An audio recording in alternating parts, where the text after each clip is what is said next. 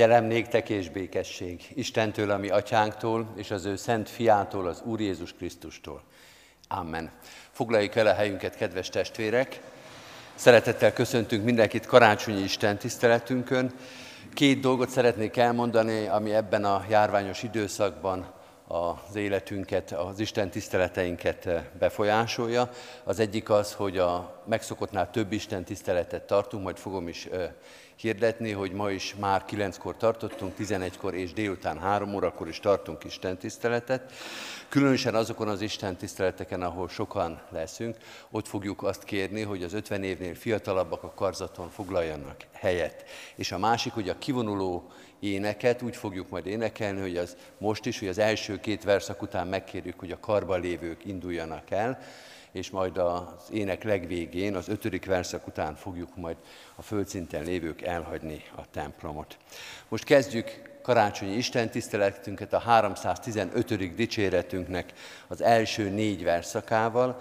315. dicséretünk első négy verszakát énekeljük Krisztus Urunknak áldott születésén. thank you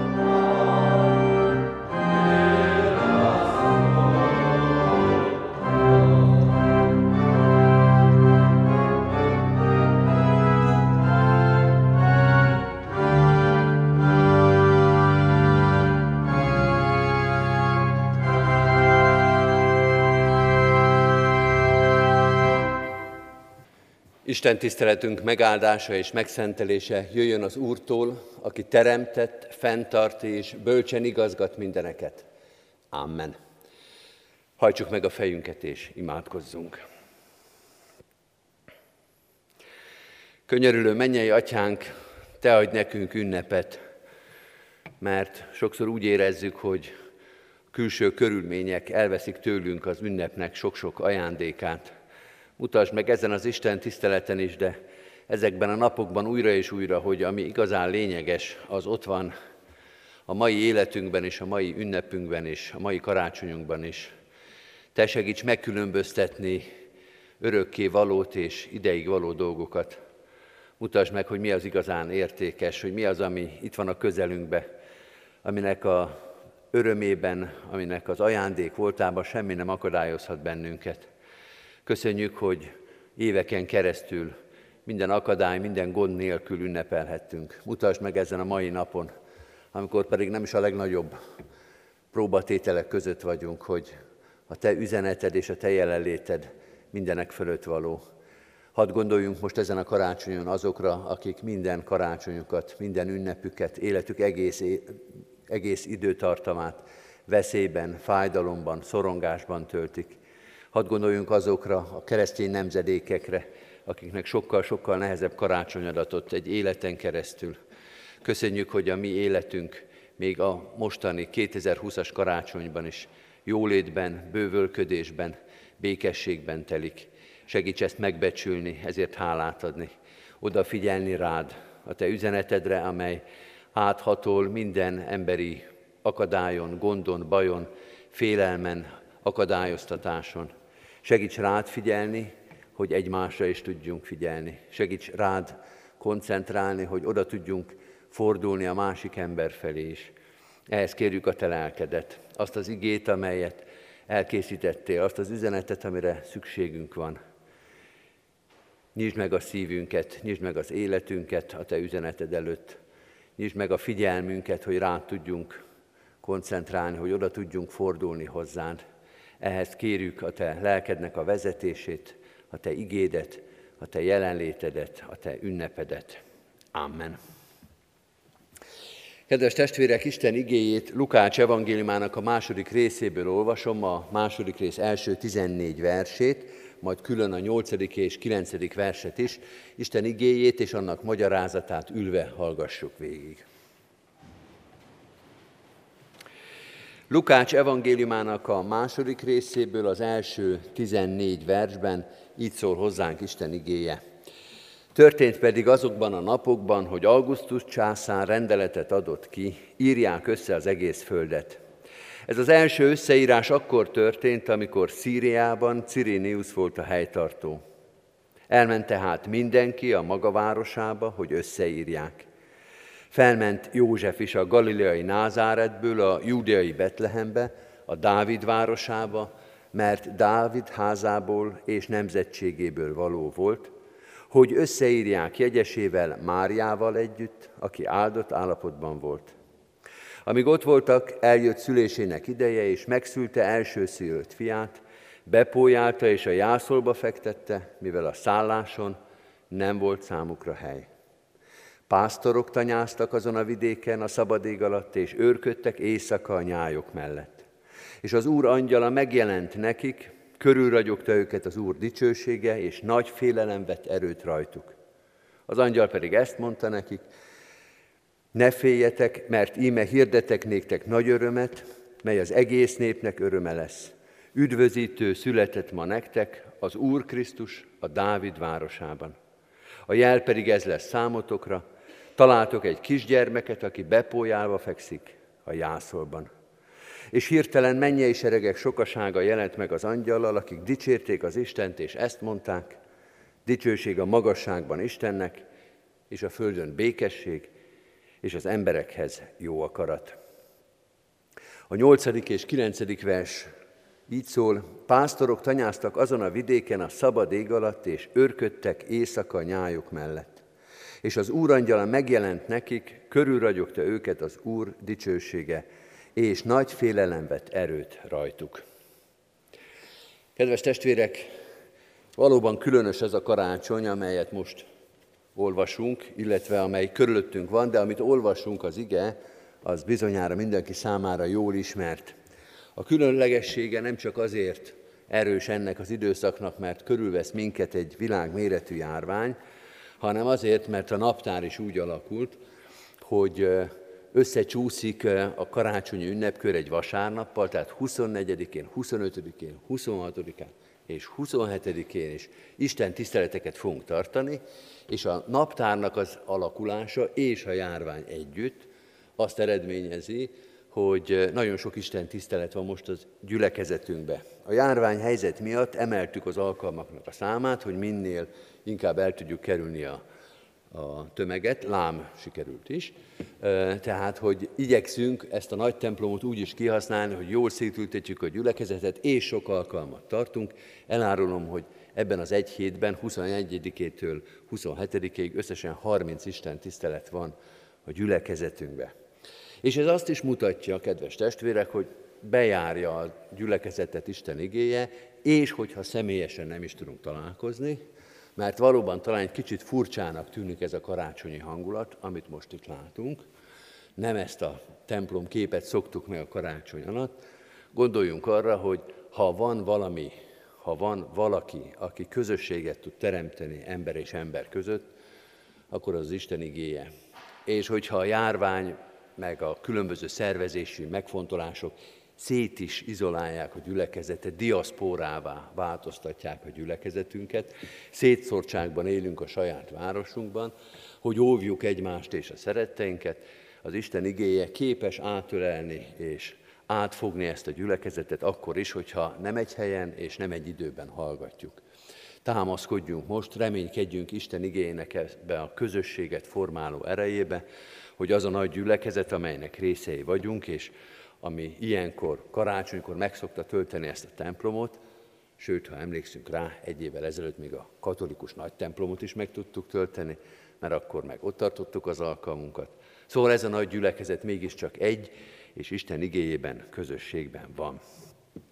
Így indul most ez a rövid kis sorozat is, hiszen ebben a sok Isten tiszteletben, karácsony ünnepeiben, a sok alkalomból kisebb sorozatokat lehet majd kimetszeni. Varga Nándor barátom, aki szintén ugyanígy többször prédikál ezen az ünnepen, János evangéliumát fogja újra és újra olvasni. Ha őt hallgatjuk, mindig Jánosból szól majd az ige. Én pedig most Lukács mellett döntöttem, úgyhogy az én három ige hirdetésem, amit ebben a karácsonyban elmondok, az mind erről a kiválasztott szakaszról, Lukács evangéliumának a második részéről fog szólni, abból emelek ki két-két verseket. És most először a nyolcadik és kilencedik verset szólaltattuk meg. A textus választás bizonyára mindenkinek ismerős, hiszen a legismertebb, a legáltalánosabb bibliai karácsonyi történetet olvassuk Lukács evangéliumának a második részéből. Nincsenek itt ugyan a bölcsek, mert ők ugye a Máté evangéliumában szerepelnek, de itt vannak a pásztorok, akiket most meg is láttunk ebben az igében, és ha még tovább olvasnánk Lukács 2-t, még két fontos szereplő jelenik meg, az egyik Simeon, a másik Anna. Pásztorok, Simeon és Anna, a Szent Család mellett, József, Mária és Jézus mellett, ők azok, akik bele tartoznak ebbe a történetbe. Ha összefoglaló címet szeretnénk adni Lukács 2-nek, akkor azt mondhatnánk, hogy ebben a bibliai fejezetben találkozásokat látunk, találkozásokat a megszületett messiással. A találkozásoknak a szereplői, tehát a pásztorok, Simeon és Anna. És hogyha így felsoroljuk őket, akkor rögtön látjuk, hogy a találkozások két nagy csoportba oszthatók. Van Simeon és Anna, ők azok, akik közel vannak az Istenhez, már eleve a templomba találkoznak a kis Dedi Jézussal, már eleve az életük a templomhoz kötött. Tehát ők azok, akik mondjuk így emberileg logikus, hogy találkoznak a, feltám, a, a megszületett Jézussal, ők azok, akik közel vannak, akik jól indulnak a történetben, és vannak ezek a szegény pásztorok, akik pedig a távoliak mindenféle értelemben valahogy távol esnek a megszületett messiástól, de azért az Úristen el tudja érni azt, hogy ők is találkozzanak Jézussal. Távoliak, a puszta sötétségében kell őket az Istennek megkeresniük. Ha emberileg hasonlítjuk össze a szereplőket, akkor ez a különbség, ez szembeötlő. Vannak a közeliek, az Istenhez közeliek, a már eleve a templomba lévők, a felkészültek, akik már ígéreteket bírnak, akik már fejből idézik a Szentírást, Simeon és Anna, és vannak a távoliak, a valahol messze lévők, a sötétben lévők, a pásztorok, akiket úgy kell az Úristennek valahogy a betlehemi sötétségben megtalálnia. Ha emberileg nézzük, ha emberileg nézzük, akkor van különbség ember és ember között. Vannak elsősorban ülők, vannak közeliek, és vannak távoliak. De kedves testvérek, ha belegondolunk abba, hogy vajon Isten hogy lát minket, hogy hogy készül a velünk való találkozásra, hogy hogy kell ezt egészet neki megszerveznie, akkor azt gondolom, hogy a pásztorok sokkal inkább reprezentálják az egész emberiséget, sokkal inkább jellemzőbb az, amit rajtuk látunk, mint amit Simeonon és Annán. Ha Isten ember viszonyában nézzük ezt a történetet, akkor a pásztorok, akik leginkább hasonlítanak ránk. A pásztorok története lesz az, amely minket, mint embereket leginkább bemutat. Mert mit mutatnak a pásztorok? Mit látunk rajtuk, vagy mit lehet róluk összeszedni? Ha nézzük magát a bibliai szöveget, a következők derülnek ki róluk. Távol vannak, Kína településen kívül, a társadalmon kívül, sötétben vannak, kiszolgáltatottak, a szabad ég alatt töltik az éjszakájukat, védtelenségben és távolságban, elborítja őket, meghatározza őket, leköti őket a saját életüknek a bonyolítása, a saját életüknek a nyűgje, baja, kényszerpályája, pásztor emberként a nyáj mellett kell lenni, nem lehet ott hagyni őket, nem lehet azt mondani, hogy majd minden hétvégén, vagy minden hétfőn kijövünk hozzájuk, hanem ez egy napi robot. Ez egy folyamatos üzem, állatok mellett dolgozni, és az életüket ez meghatározza. Az életük abból következik, az életvitelük, hogy miből élnek, és ők ott kín a sötétségben, a kiszolgáltatottságban, a pusztában élik az életüket, vagyis ami rájuk jellemző, az a hétköznapoknak a, a folyamatos kényszerpályája. Ezzel párhuzamosan, vagy éppen ezzel ellentétesen az Isten eszembe passzívak. Ők ott kint vannak, az Isten valahol benn, az Isten valahol a templomban, az Isten valahol a rendes emberek életébe, Simeonhoz közel, meg Annához közel, de ők passzívak és tapasztalatlanok az Istennel kapcsolatban. Amikor az Isten megjelenik, akkor megijednek. Nem tudják azt mondani, hogy jó, hát tegnap is ez történt, meg tegnap előtt is. Meg amikor a múlt héten szólt hozzánk az Isten, akkor is így jött el. Most már ezt megszoktuk, most már ez része az életünknek. Ez nem része az életüknek. Ő nekik, amikor az Úristen megszólal, akkor teljes létbizonytalanság és ismeretlenség van, hogy micsoda ez.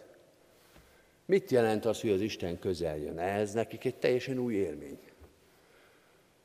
Azt mondja a Lukács evangéliuma, hogy ha az Isten ránk néz, akkor valami ilyesmit lát az emberiségen. Sötétség, távolság, kiszolgáltatottság, megkötözöttség, kényszerpályák, passzivitás, és az Istennel szembeni rutintalanság és tapasztalathiány. Valami nagyon Isten háta mögötti történet, az ember története. Kányáli Sándornak van egy szép karácsonyi verse, hát persze az relatív, hogy szép, mert inkább szomorú. Kányáli Sándor karácsonykor veszítette el az édesanyját, úgyhogy nem is nagyon írt karácsonyi verseket, és amit írt, az is elég szomorú. Rövid kis vers, most felolvasom, nem a kányádi élet miatt, hogy ő hogyan élte meg ezt az ünnepet, hanem azért, hogy hogyan látja az ő verse az embereket, mert azt gondolom, hogy akár mennyire is meglepő ez a vers, tulajdonképpen nagyon illik ahhoz, ahogy Isten láthat minket karácsonykor. Isten háta mögött. Üres az istállósa, jászol, idén se lesz nálunk karácsony. Hiába vártok, nem jönnek a három királyok. Sok dolga van a teremtőnek, mindenkivel ő sem törődhet. Messzi a csillag, minden üvé nem világíthat. Megértjük persze, mit tehetnénk, de olyan sötétek az esték, és a szeretetnek hiánya nagyon diderektet. Előre látó vagy, Uram, de mégis, néz, Uram, a hátad mögé is, ott is lakoznak, és örülnének a mosolyodnak. Hát lehet azt mondani, hogy Kányári Sándor egy kicsit pessimistán fogalmazta meg a karácsonyi életérzést, De az az igazság, hogy a Lukács 2-ből ez nagyon is következik. Valahogy így állnak ott a pásztorok, így áll ott az ember az Isten szín előtt. Így lát minket az Isten, nem aktuálisan a mai állapotunkat, hanem általában az emberiséget. Illetve, ha már idáig jutottunk, akkor tegyük föl a kérdést, hogy vajon nem az aktuális állapotunkat látja-e így Isten és Kányádi Sándor? Vajon nem pontosan ír le minket az Isten? És nem pontosan ír le minket ez a szép vers? Vagy hogyha meg lehet osztani, akkor végig lehet bogarászni az életünket, hogy mennyiben hasonlítunk inkább Simeonhoz és Annához, akik várták a megígért messiást, akik tudták, hogy hol a helyük, tudták, hogy mit kell tenni, tudták, hogy melyik bibliai idézetre kell gondolni, szóval úgy fel voltak készülve. Ez milyen százalékban igaz, és milyen százalékban igaz az a leírás, amit a pásztorokról olvasunk, a sötétség, a kiszolgáltatottság, a passzivitás, az eltemetettség. Ha ránk néz, ránézünk erre a karácsonyi képre, mint egy gyermek bibliai ábrázolásba, akkor melyik figurában ismerjük föl leginkább magunkat, melyikben ismerjük föl a szeretteinket, a közösségeinket, mi jellemző 2020-ban az emberiségre, vagy a mi saját kis közösségeinkre. Így látja, vagy láttatja Lukács evangéliuma a pásztorokat, és rajta keresztül az Isten elé állott embert. És hogyan mutatja az Istent? Mert ebben a találkozásban az ember mellett természetesen ott van Isten is, az Isten angyala, vagyis Isten maga, róla kevesebbet, de ugyanilyen egyértelműt olvasunk, azt mondja, az emberrel szemben Isten közel jön, megtalál és megjelenik nekünk, világosság és dicsőség veszi körül erős vizuális képet használ a Szentíró, és azt mondja, hogy van a sötétség, a hideg, a kiszolgáltatottság, és van egy ellenpont, még képileg is jól lehet ábrázolni, a világosság, a dicsőség, az aktivitás, a pásztorok passzivitásával szembe. Nem lehet olyan sötét a betlehemi éjszaka, és nem lehet olyan nagy a betlehemi puszta, hogy az angyal meg ne találná a pásztorokat, nem lő mellé, nem 10 kilométerrel távolabb jelenik meg, hanem ott van velük, látható és hallható közelségben. Ilyen az Isten, mint egy színpadon, magunk előtt látjuk a pásztorokat, és ugyanezen a színpadon ellenpontként, ellenpólusként ott van a dicsőségben és világosságban és erőben megjelenő Isten. Ezt a színpadképet mutatja Lukács evangéliuma, és ebből tanulhatunk mi most 2020 karácsonyán is. Mert mi következik ebből, kedves testvérek? Hát két dolog biztosan. Azt mondja Lukács evangéliuma, hogy ha valakinek az életére teljesen igaz az, most nevet nem mondjunk, de gondoljunk valakire, magunkra vagy valaki másra, akire azt mondhatjuk, hogyha teljesen olyan, mint a pásztorok, mindenben őt írják le a pásztorkép. Távol van az Istentől, sötétségben van, kiszolgáltatott, el van temetve a saját dolgaiba, nem tud kikecmeregni a saját életéből, semmilyen szabadsága, lehetősége nincs a hétköznapok bezártságából következően. Ha passzív, ha félelemmel teljes, és nincsen semmiféle tapasztalata az Istennel kapcsolatban, akkor azt mondja a karácsonyi történet, hogy akkor nem reménytelen a helyzete kis túlzással azt lehet mondani, hogy azt mondja a karácsonyi történet, akkor minden rendben van, mert pontosan miatta jött el karácsonyban Jézus Krisztus. Pontosan miatta kezdte el ezt az egész történetet az Isten. Hogy a pásztorokban azt mutatta meg, hogy milyen távol, milyen elesett, milyen reménytelen lehet az ember, és hogy ezen fog ő változtatni. Nemrég láttam egy reklámot az interneten, egy fúrófej nek a reklámja volt, és a, egy nagyon képszerű reklám volt, és egymás után mutattak bizonyos anyagokat, amit a fúrófej át tud fúrni. És az elején olyanokat, amit mindenki gondol, a fát, meg a téglát, meg valamit, és egyre durvább és keményebb és edzettebb anyagokat mutattak, és természetesen a fúrófej mindent keresztül tudott fúrni. És azt mondja a Lukács evangélium, hogy nincs az a bebetonozott, beszáradt, reménytelen élet, amit az Istennek az evangéliuma ne tudna áthasítani. hogy nem csak Simeont meg Annát lehet megtalálni, aki már eleve meg is volt. Már eleve a templomban volt, ott már nem volt kockázat. Hanem a pásztorokét is. Az a többszörösen egyzett, nem tudom, fegyveracél, amit még az Isten evangélium át tud fúrni, és meg tudja azt a sötétséget repeszteni, ami mögött ott ülnek ezek a pásztorok. Tehát, ha ismerünk reménytelen embert, ha ismerünk reménytelen helyzetbe lévő embert, vagy közösséget, vagy társadalmi csoportot, vagy bárkit, akkor erre a Lukács evangélium azt mondja, hogy nektek reménytelen, nekem pedig célközönség. Én őket fogom megtalálni. Ebbe az egyszerű kis történetbe őket is beleveszem. Sőt, ővelük kezdem. És azt mondom, ha a pásztorokat meg tudtam találni, nem tudsz te nekem olyat mondani, akit én el ne érnék, és akihez az evangéliumot, az örömüzenetemet, azt, ami a karácsonynak, sőt az egész Isten történetnek a lényege, hogy én azt el ne tudnám egyetlen pillanat alatt juttatni. Nincs reménytelen helyzet, és nincs reménytelen ember az Isten számára. Ez az egyik dolog, amit mond.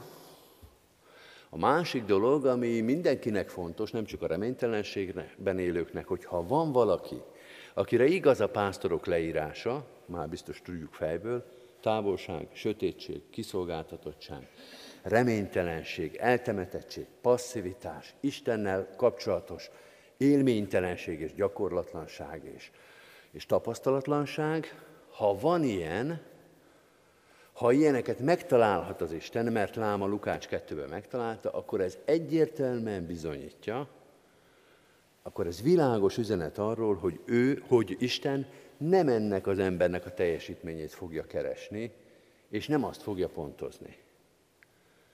Hogy nem arról szól az Istennel való találkozás, hogy Isten leméri a bármilyen értelembe vett teljesítményünket. Hiszen ha volt nulla pontos ebben a társadalomban, akkor a pásztorok olyanok voltak. Nyilván a vallási törvényeket nem tudták megtartani, írás ismeretük nem volt, sem általános műveltségi, sem teológiai értelemben, tehát a teológiai rangsornak a legalján voltak, semmiféle pontozás, semmiféle mérés nem kecsegtette őket eredménnyel. És azt mondja ez a történet, hogy ha a pásztorokat is, ha a legreménytelenebbeket is megtalálja az Isten, akkor nyilván nem az ember teljesítményéről van szó. Lehetne összeállítani a Szentírásból olyan szereplőket, akikkel való találkozás elültetheti bennünk a félelmet, hogy vajon mi tudunk-e annyit, mint Nikodémus. Mi tudunk-e olyan jól teljesíteni, mint a kapernaumi százados? Mi tudunk-e annyit, mint Simeon meg Anna? Ha odaállít minket az Úristen a bibliai szereplőkhöz, akkor vajon kinek jobb a teljesítménye? De ha pásztorok is benne vannak ebbe a történetbe, akkor nincs miért reszketni. Akkor lehet azt mondani, hogy ha a pásztoroknak volt ebben a történetben reménység, akkor nekünk is van. Mert nem a mi teljesítményünket fogja nézni.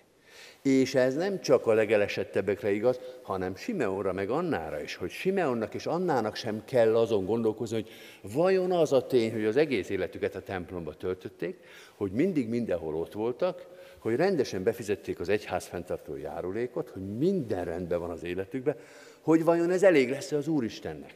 Mert hát ugye ki tudja, hogy mi elég az Istennek hogy az egész nem erről szól, hogy ez nem emberi teljesítményeket mér. Istennel találkozni, mondja ez az ige, az nem a pontozó bíróval való találkozás. Meg nem az ítélő bíróval való találkozás. Az valami egészen másról szól. Ezt most még egyszer egy kicsit pontosabban. Amikor Istennel fogunk találkozni a legvégén, mégiscsak ő lesz a pontozó bíró, és mégiscsak ő lesz az ítélő bíró. Onnan jön el ítélni eleveneket és holtakat. Van pontozás, és van ítélet, mondja a Szentírás, de először, és ez a karácsony történet erről szól, a megelőző találkozásban nem a pontozás és nem az ítélet számít, hanem az Istennek a kegyelme. Ahhoz, hogy majd, amikor ítéletre kerül a sor, majd, amikor lesz valamiféle megméretés, amikor az Isten megítéli ezt a világot, hogy nekünk ne kelljen félni, ahhoz először, és most erről beszélünk, először nem ebben a szerepben érkezik. Azért, hogy nekünk esélyünk legyen. Hogy a pontozáskor ne kelljen félni. Hogy a pontozáskor már egészen más legyen a helyzet. Tehát nem arról van szó a karácsonyi történetben, hogy nincs pontozás, nincs ítélet, úgyis minden mindegy. Az Istennek minden jó. Hanem arról szól, hogy ahhoz, hogy nekünk jó legyen, ahhoz előtte beiktatott egy karácsonyi történetet, és abban nem pontoz. Abban egészen más a megközelítés. Az egy kegyelmi történet, az egy szeretett történet, az egy irgalom történet, ahol csak az ő aktivitása, csak az ő értéke számít, és nem a miénk.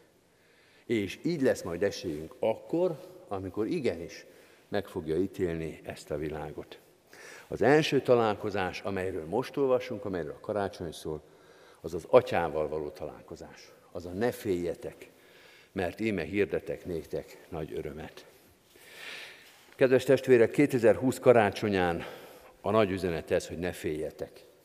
Egyébként minden karácsonykor, de lehet, hogy ezen a karácsonyon egy picit több a pontérték ennek a mondatnak. Ne féljetek. És ne csak a járvány miatt ne féljetek, hanem az emberi általános sorsotok miatt ne féljetek. Mert a járvány el fog múlni, lehet, hogy egy kicsit később, mint ahogy mi azt szeretnénk, de a mi emberi általános helyzetünk az itt marad velünk. És azt mondja ez a karácsony üzenet most még a járványnak közepén, hogy a járvány után sem kell majd félni.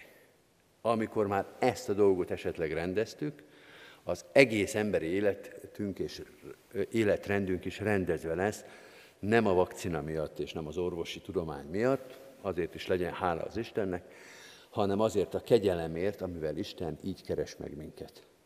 Isten nem csak egy aktuális helyzetet, de az egész emberi életünket jött meggyógyítani, ezzel a reménységgel és ezzel az örömmel várjuk és fogadjuk őt. Amen. Most hajtsuk meg a fejünket és imádkozzunk.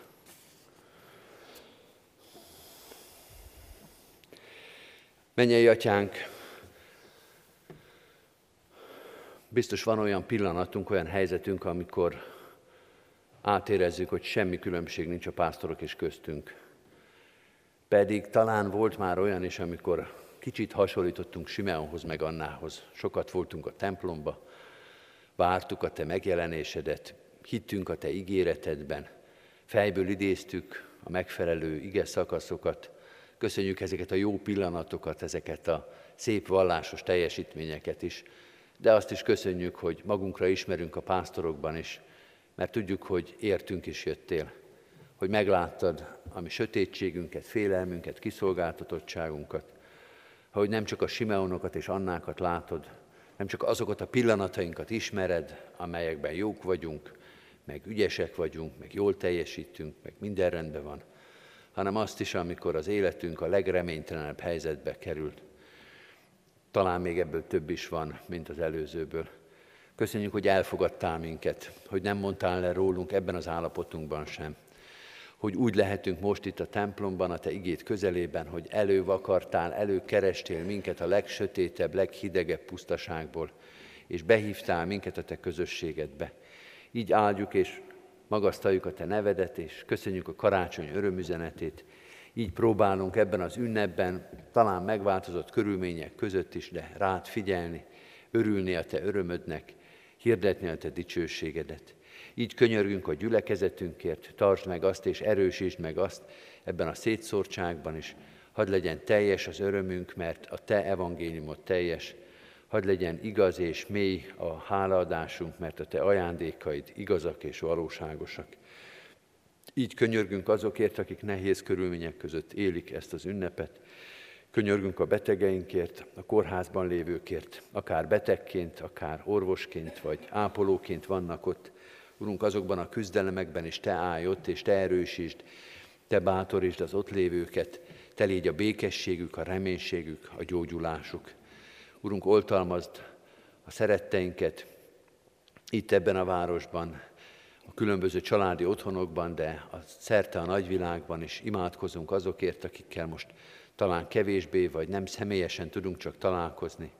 Oltalmazd azokat, akik fontosak, kedvesek számunkra, de légy őrizője az egész emberiségnek is. Benne ezért a városért is könyörgünk, országunkért, nemzetünkért, a körülöttünk élő népekért. Valamennyien a Te gondviselő kegyelmedre bízzuk életünket, gyógyulásunkat, szabadulásunkat. Te légy Jézus Krisztusban, az emberélet Úrban, ami egyetlen biztos reménységünk. Jézus Krisztusért, ő érte kérünk. Amen. Egy rövid csendes percben vigyük most Isten elé imádságainkat. Amen. Az Úrtól tanult imádságot fennállva és együtt mondjuk el. Mi atyánk, aki a mennyekben vagy, szenteltessék meg a te neved. Jöjjön el a te országod, legyen meg a te akaratod, amint a mennyben, úgy a földön is. Mindennapi kenyerünket add meg nékünk ma, és bocsásd meg védkeinket, miképpen mi is megbocsátunk az ellenünk védkezőknek.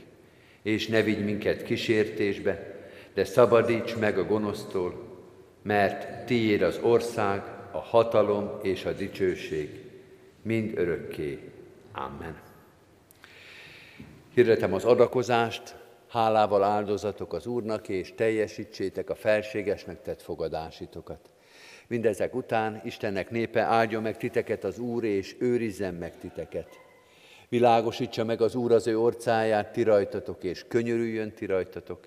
Fordítsa az Úr az ő orcáját ti rejátok, és adjon békességet néktek. Amen.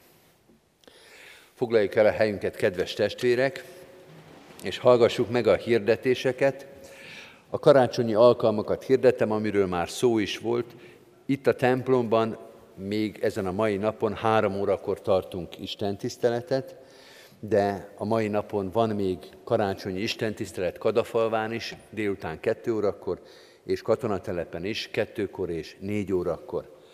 Holnap és holnap után, karácsony első és második napján, 25-én és 26-án minden Isten tiszteletünk úrvacsorai közösség lesz. Itt a templomban 9-kor, 11-kor, délután 3 órakor és este 5 órakor tartunk Isten tiszteleteket, holnap és holnap után is. Akik szeretnék elkerülni a nagyobb tömeget, azoknak a három órás Isten tiszteletet ajánljuk, véletőleg ezen lesznek majd a legkevesebben holnap és holnap után. 27-én is a karácsonyhoz hozzá csatlakozó vasárnapon is ugyanígy itt a templomban négy Isten tiszteletet tartunk, 9-kor, 11-kor, 3-kor és 5 órakor. Az egész presbitérium és az elnökség nevében áldott karácsonyt és boldog új évet kívánunk mindenkinek. Záró énekünket énekeljük, a 20, 326. 326. dicséretünket, mind az öt verszakával. Az első két verszak után kérjük, hogy a karzatban lévők induljanak el, a földszinten lévők énekeljék végig az éneket, 326. dicséretünk, mind az öt verszakát énekeljük.